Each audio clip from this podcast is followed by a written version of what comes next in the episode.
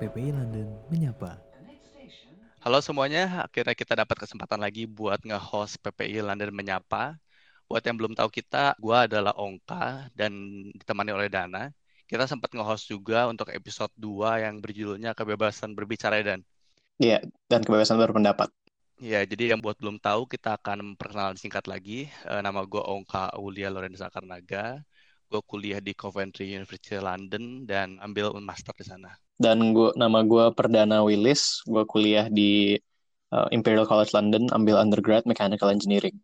Oke, jadi di kesempatan kali ini kita akan membahas mengenai mitos-mitos yang berada di masyarakat, tapi terutama kita di kesempatan kali ini ya, kita akan berfokus kepada dua mitos aja, yaitu yang pertama tuh mitos apa tuh Dan? Uh, mitos yang kita akan bahas adalah perbedaan dengan otak kiri dan otak kanan dan baga bagaimana fungsinya sisi-sisi tersebut bisa berbeda. Nah, mitos ini tuh apa sih Kak? sebenarnya? Nah, jadi sepertinya mitos ini udah banyak yang tahu juga ya. Jadi kalau kita kan dari dulu diajarin kalau otak kiri itu mengontrol logika dan otak kanan itu mengotor kreativitas kan. Itu tuh sebenarnya mitos yang udah ada di, tersebar di publik udah lama.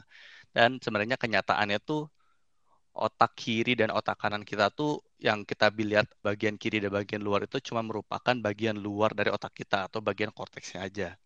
Dan sebenarnya itu otak pun otak tuh sebenarnya bagiannya ada banyak kan, ada stradium, ada hypothalamus, ada thalamus, ada brainstem yang sebenarnya dibuat oleh tisu-tisu berkelanjutan itu. Dan sebenarnya tuh setiap bagian itu tuh memiliki bagian otak kiri dan otak kanan juga. Jadi cara singkat itu otak kiri mengontrol bagian fungsi badan kanan dan otak sisi bagian kanan mengontrol pergerakan tubuh bagian kiri. Jadi saling gitu ya kak. Jadi sisi otak kanan mengontrol badan kiri dan sisi otak kiri mengontrol badan kanan. Iya, jadi otak kanan mengatur badan kiri dan otak kiri yang mengatur badan kanan itu biasanya sebenarnya itu bukan cuman kiri dan kanan doang, tapi baik semua bagian otak itu memiliki kiri dan kanan gitu. Jadi ini bukan dibatas dalam logika atau creativity ya, tapi cuman bodily uh, functions sehari-hari.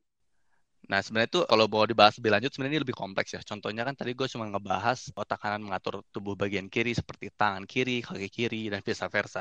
Nah, sebenarnya itu itu uh, mengatur penglihatan juga. Tapi kalau penglihatan itu lebih kompleks karena kalau tadi gue bilang setiap bagian otak itu memiliki bagian kiri dan kanan.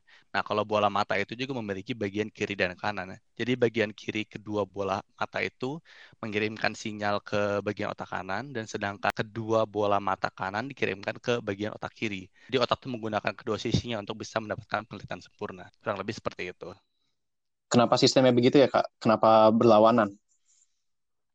Kalau berlawanan itu sendiri sayangnya tuh saintis belum tahu pastinya mengapa kita uh, memiliki sistem seperti itu. Tapi sebenarnya di luar sana tuh ada beberapa teori spekulasi mengenai hal ini, yaitu salah satunya uh, ketika semua ini bermula ketika contohnya ada makhluk hidup nih, mulai mendevelop uh, nervous system yang lebih kompleks contohnya.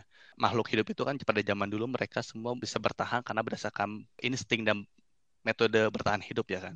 Nah, dengan mereka memiliki refleks yang berlawanan itu, mereka memiliki refleks yang lebih cepat untuk bisa bertahan hidup. Jadi sebagai contohnya, misalnya predator datang dari sebelah kiri. Cara paling cepat untuk kabur tuh lewat lewat kanan kan. Jadi kita tuh bisa dibilang bahwa penglihatan dan pergerakan kedua sistem tuh bergantung pada struktur kiri dan kanan. Jadi dalam singkat sistem ini berlawanan supaya refleks kita bisa lumayan cepat gitu ya.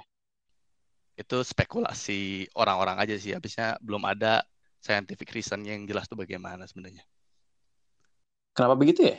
Kenapa susah banget di, di, di determine alasannya? Sebenarnya emang dari konsepnya ini itu sendiri sedikit vague sih. Maksudnya lebih lebih sangat mudah untuk mengundang misconception oh. seperti, seperti tadi yang gue bilang juga kan kayak ada otak bagian kiri dan kanan. Itu kan kalau orang cuma asal denger dari sekedengarnya aja paling cuma oh yaudah jadi otak otak cuma ada part kiri dan kanan tapi sebenarnya tuh setiap partnya itu yang memiliki otak kiri dan kanan gitu menurut gue tuh apa ya tidak mudah untuk di determine sih mungkin hmm. salah satu alasannya karena itu jadi intinya it's not that simple ya nggak bisa simply yeah, kiri betul. kanan karena otak emang terlalu hmm. kompleks untuk di di ngertiin 100% hmm, betul betul jadi saintis gimana bisa sadar konsep ini salah Nah, saintis itu sempat juga meneliti otak per bagian-bagiannya. Jadi misalnya ada otak kiri saja dan otak kanan. Dan setelah diteliti per satu bagian, Kedua bagian tersebut menunjukkan banyak sifat-sifat dan kemampuan logis dan kreatif. Tapi mereka juga menemukan bahwa satu sisi otak kadang lebih aktif daripada sisi satunya lagi. Jadi untuk beberapa bidang seperti bahasa lebih baik pakai otak kiri dan perhatian lebih ke otak kanan gitu loh. Jadi sisi otak mungkin melakukan lebih banyak kerja daripada satunya lagi untuk beberapa tugas, tapi hal ini ditentukan oleh sistem daripada ditentukan oleh orang, orang tersebut, kan tergantung dari kepribadian orang tersebut atau uh, dominan otak kiri atau otak kanan. Jadi tidak ada bukti mendukung yang kuat bahwa seseorang tuh memiliki dominan pada sisi otak yang mendukung ide dari otak uh, kiri sebagai logika dan otak kanan sebagai kreativitas. Jadi tuh ini jadi jadi agak susah agak sebenarnya gue agak agak susah juga sih jelasinnya tapi intinya mungkin beberapa orang lebih logis dan lebih kreatif ya kan yeah. tapi hal itu tuh nggak ada hubungannya sama sisi kiri dan kanan otak itu karena kan jadi, mitosnya tuh bener-bener separate di tengah kan jadi bener-bener di, di yeah, tengah yeah. kiri untuk uh, logika kanan untuk kreativitas sedangkan mhm. nggak mm -hmm. bisa sesimpel itu ya karena otak banyak Eh, bagian-bagian uh, dan bagian tersebut itu kayak yang tadi lu jelasin kayak hipotalamus, talamus, brainstem itu per bagian punya sisi kiri dan kanan gitu ya maksudnya. Iya betul. Jadi ide awal dari memisahkan otak kiri dan kanannya sendiri itu sebenarnya dari awal kurang relevan. Karena gue ambil contoh gitu ya, kita mau mengerjakan soal matematika yang kompleks gitu, yang memerlukan logika. Tapi tetap saja di matematika itu sendiri memerlukan kreativitas dalam mengerjakannya. Sebagai contoh, hmm. di matematika tuh ada konsep yang namanya golden spiral yang ada di geometri matematika. Nah, di beberapa kasus juga si golden spiral ini tuh dipakai dalam menggunakan proporsi fotografi, melukis. Jadi semua hal yang kita lakukan itu menggunakan kreativitas dan logika. Ya, setuju, setuju. Emang nggak bisa sesimpel itu ya. Lu nggak bisa lihatin sesuatu terus mikir, oh ini perlu logika. Atau oh ini perlu kreativitas. Iya, betul. Jadi semua bidang itu sebenarnya menggunakan kreativitas dan logika secara nggak langsung. Begitu. Itu dari yang gue research seperti itu sih. Jadi kalau mau bikin analogi, lu kalau potong durian kan banyak sisi-sisi dagingnya kan. Jadi kalau otak itu durian, lu nggak bisa bagi setengah terus langsung ini kiri durian, ini kanan durian. Tapi oh, betul banget, lu lu betul kalau potong di sisi daging-daging yang di sisi-sisi yang ada daging, daging itu ada kiri dan kanan masing-masing, gitu ya. Iya betul. Oke oke, ngerti-ngerti. Betul sebenarnya wajar sih ini orang banyak salah konsepsi karena memang kalau kita lihat kan sebenarnya menggunakan keseluruhan fungsi dari otak itu sendiri sebagai kesatuan tuh kan konsepnya men, emang rumit dari sana ya sendiri. Jadi wajar aja kalau saintis susah juga untuk mengerti konsep dari otak itu sendiri. Saintis aja susah mengerti konsep itu, apalagi orang awam pada umumnya ya kan. Iya, kalau saintis pun nggak ngerti gimana kita. Iya. Nah, yang lucunya nih kak, karena kita lagi bahas uh, mitos otak, salah satu mitos yang juga lumayan terkenal itu kita sebagai manusia hanya menggunakan 10% dari otak. Oh, kayak ini dong, kayak film apa lu? Iya, iya, baru gua mau, baru mau gue bawa. oh ya, gimana tuh? Gue belum tahu sih tentang itu. Jadi ya, idenya emang, ide dari mitos ini adalah kita hanya menggunakan 10% dari kemampuan otak. Jadi implikasinya adalah kemampuan manusia itu terbatas we are much smarter than we seem to be. Kita bisa lebih, kita bisa ascend lagi. Tapi sebenarnya ya, mitos ini salah. Jadi sebenarnya itu berapa persen ya? Gue nggak tahu loh. Gue kira dari selama ini tuh kita emang segitu gitu. Sebenarnya ya otak emang digunakan 100%. Kayak tadi yang lu sempat ngomong, sebeberapa bagian otak tidak digunakan atau tidak seaktif sisi-sisi yang lain, ujung-ujungnya tetap aktif. Misal, mikir aja otak kan juga otot. Kalau kita lagi duduk, kaki kita nggak gerak kan. Tapi itu bukan berarti kaki kita nggak aktif sama sekali. Atau kalau kita lagi tiduran, kita nggak perlu gerakin tangan, nggak perlu gerakin badan. Tapi bukan berarti otot-otot yang di badan atau di kaki atau di tangan itu 100% non aktif, itu tetap ada. Nah, otak tuh sama persis. Walaupun tidak digunakan 100% dalam semua saat, itu bukan berarti kemampuan kita terbatas hanya di 10%. Hmm, jadi kayak gue pernah baca juga sih kalau otak-otak itu kan sama kayak yang tadi gue gue bilang kan ada bagian-bagiannya kan. Tapi kalau otak dalam konteksnya proses berpikir tuh gue tuh ada inget kalau kita tuh ada uh, apa sih cerebral cortex sama pokoknya yang semacam itu gue lupa. Jadi kan kalau yang celestial cortex itu lebih buat bagaimana kita mammalian karena otak apa monkey mind orang ngomongnya mengatur bagaimana kita mengatur si monkey mind itu. Sedang kalau, kalau si cerebral cortex itu lebih bagaimana kita mengatur logikanya. Ah, nah, apakah ini masuk ke bagian yang tadi gue bahas itu? Jadi kayak kalau kita lagi mikir eh, hal yang logis, dia cuma memakai berapa persen atau kita sedang misalnya sedang melakukan sport gitu lagi lari, apakah kita cuma pakai 20% dari otak kita gitu atau gimana? Kalau pakai perspektif itu yang lu ngomong yang lu baru bahas itu implikasinya otak cuman digunakan untuk mikir atau untuk satu aktivitas. Tapi kalau lu pikir-pikir lagi, semua ya kita untuk just to exist itu tuh brain power-nya tuh gede banget. Misal gue pagi-pagi gue bangun turun tempat turun, eh, gue bangun dari tempat tidur terus turun ke pantry bikin teh. Nah itu pun pertama gue harus bangun. Dua, gue harus ada spatial awareness. Kan dunia kita kan three dimensional kan. Berarti Hmm. eh, beberapa sisi otak mesti nyala supaya gue bisa sadar, oh ini lagi mau turun tangga nih. Gue mesti turunnya pelan-pelan. Kalau nggak, gue mesti sadar elevationnya turun. Gue nggak mesti jangan sampai kepleset. Dan kalau lagi ambil tehnya juga tangan, gue mesti gu- menggunakan tangan untuk ambil teh dan panasin air. Nah, simple yang menial activities kayak gitu yang sangat simple itu emang in its own takes a lot of brain power. Kayak lo nggak bisa kucing nggak bakal bisa begitu kan, anjing nggak bakal bisa bikin teh, bikin manasin air. Jadi walaupun Hmm. aktivitas ini sangat simple, ini menggunakan ya lebih dari 10% otak lah. Hmm, tapi gini loh, kan itu kan tuh konsep yang kita mau apa konsep itu kan kita orang bilangnya kita cuma menggunakan 10% dari otak kita. Dalam kesimpulan lain 90% berarti belum ke discover. Iya, nah eh, yang lu baru ngomong itu bisa digunakan sebagai bukti bahwa teori ini salah. Misal, kalau kita hanya menggunakan 10% dari otak, berarti otak kita terlalu gede. Berarti nggak efisien dong. Kalau kalau dipikir-pikir lagi, usaha yang diperlukan untuk fungsi-fungsi otak tuh sangat besar. Berarti kalau kita memang hanya menggunakan 10% dari otak, by the process of natural selection and evolution, otak kita bakal meng- mengecil. Jadi kenapa otak kita sangat besar? Kenapa otak kita tuh apalagi sebagai mam sebagai mammals kan, manusia kan otaknya salah satu paling gede kan in the whole animal kingdom. Jadi kenapa otak kita gede banget kalau kita cuman perlu 10%? Oh ya, kita paling gede. Eh, kayaknya cuman yang lebih gede kayaknya cuman ini deh, eh, dolphins. Kalau paus gitu kecil ya otaknya. Mungkin lebih gede juga kali. Tapi kalau brain to brain mass to body mass, otak kita salah satu yang paling gede. Oh, ya rasio rasio brain mass to body mass tuh manusia kayaknya paling besar deh. Nah kalau lu kalau lu mikir gitu, gitu. untuk punya otak segede ini kan perlu banyak oksigen, banyak darah, neuronsnya banyak. Jadi kalau kita cuma pakai 10%, kenapa gede banget? Hmm, jadi dalam kata lain tuh kita udah ke-explore semua eh, 100% dari kemampuan otak kita gitu. Iya, dalam kata lain ya kayak yang lu ngomong tadi, walaupun kadang semua sisi ot- otak nggak aktif, ujung-ujungnya kalau kita mengatakan bahwa kita hanya menggunakan 10% otak itu salah.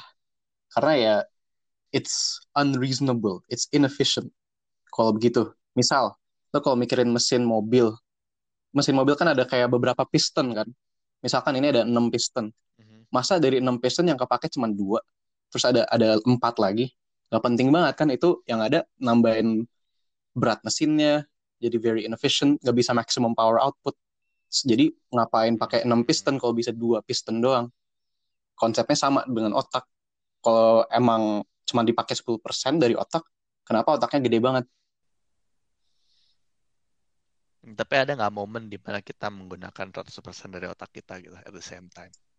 Kayaknya nggak bisa sesimpel itu deh, Kak. 50% deh. Kayaknya eh, yang kalau gue baca-baca sih, it's not so simple to say kayak oh power output otak tuh lagi berapa persen. Kayak Hmm, mungkin nggak bisa di measure kali, tapi bisa dibilang ya kita selalu menggunakan semua sisi otak. Semua sisi otak tuh selalu aktif. Dan ini dibuktikan melewati nih mesin namanya fMRI, Functional Magnetic Resonance Imaging. Oh, tahu gue ya. ya. Iya. Dan dari mesin ini, itu tuh bisa dilihat ketika sisi otaknya aktif, darah akan dialirkan ke sisi tersebut. fMRI itu bisa mengkasih lihat aliran darah ini. Dan kalau dari fMRI pasti semuanya juga darah juga ke mana-mana. Gak mungkin cortex lu tiba-tiba nggak aktif. Gak mungkin cerebellum lu tiba-tiba nggak aktif. Hmm, ngerti. Iya, iya, iya. Terus awalnya dari mana sih? Kok bisa salah misconception gitu? Nah, lucunya tuh, uh, teori ini mungkin mulai dari seorang psikologis dari Harvard, namanya William James. Tapi dia nggak dia nggak langsung mengatakan bahwa kita hanya menggunakan 10% dari otak. Contoh, dalam sebuah artikel di tahun 1907, eh, William James mengatakan, Our fires are damned, our drafts are checked.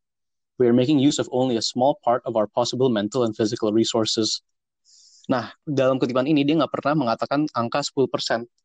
Tapi dari kutipan tersebut malah menyebabkan beberapa interpretasi yang salah.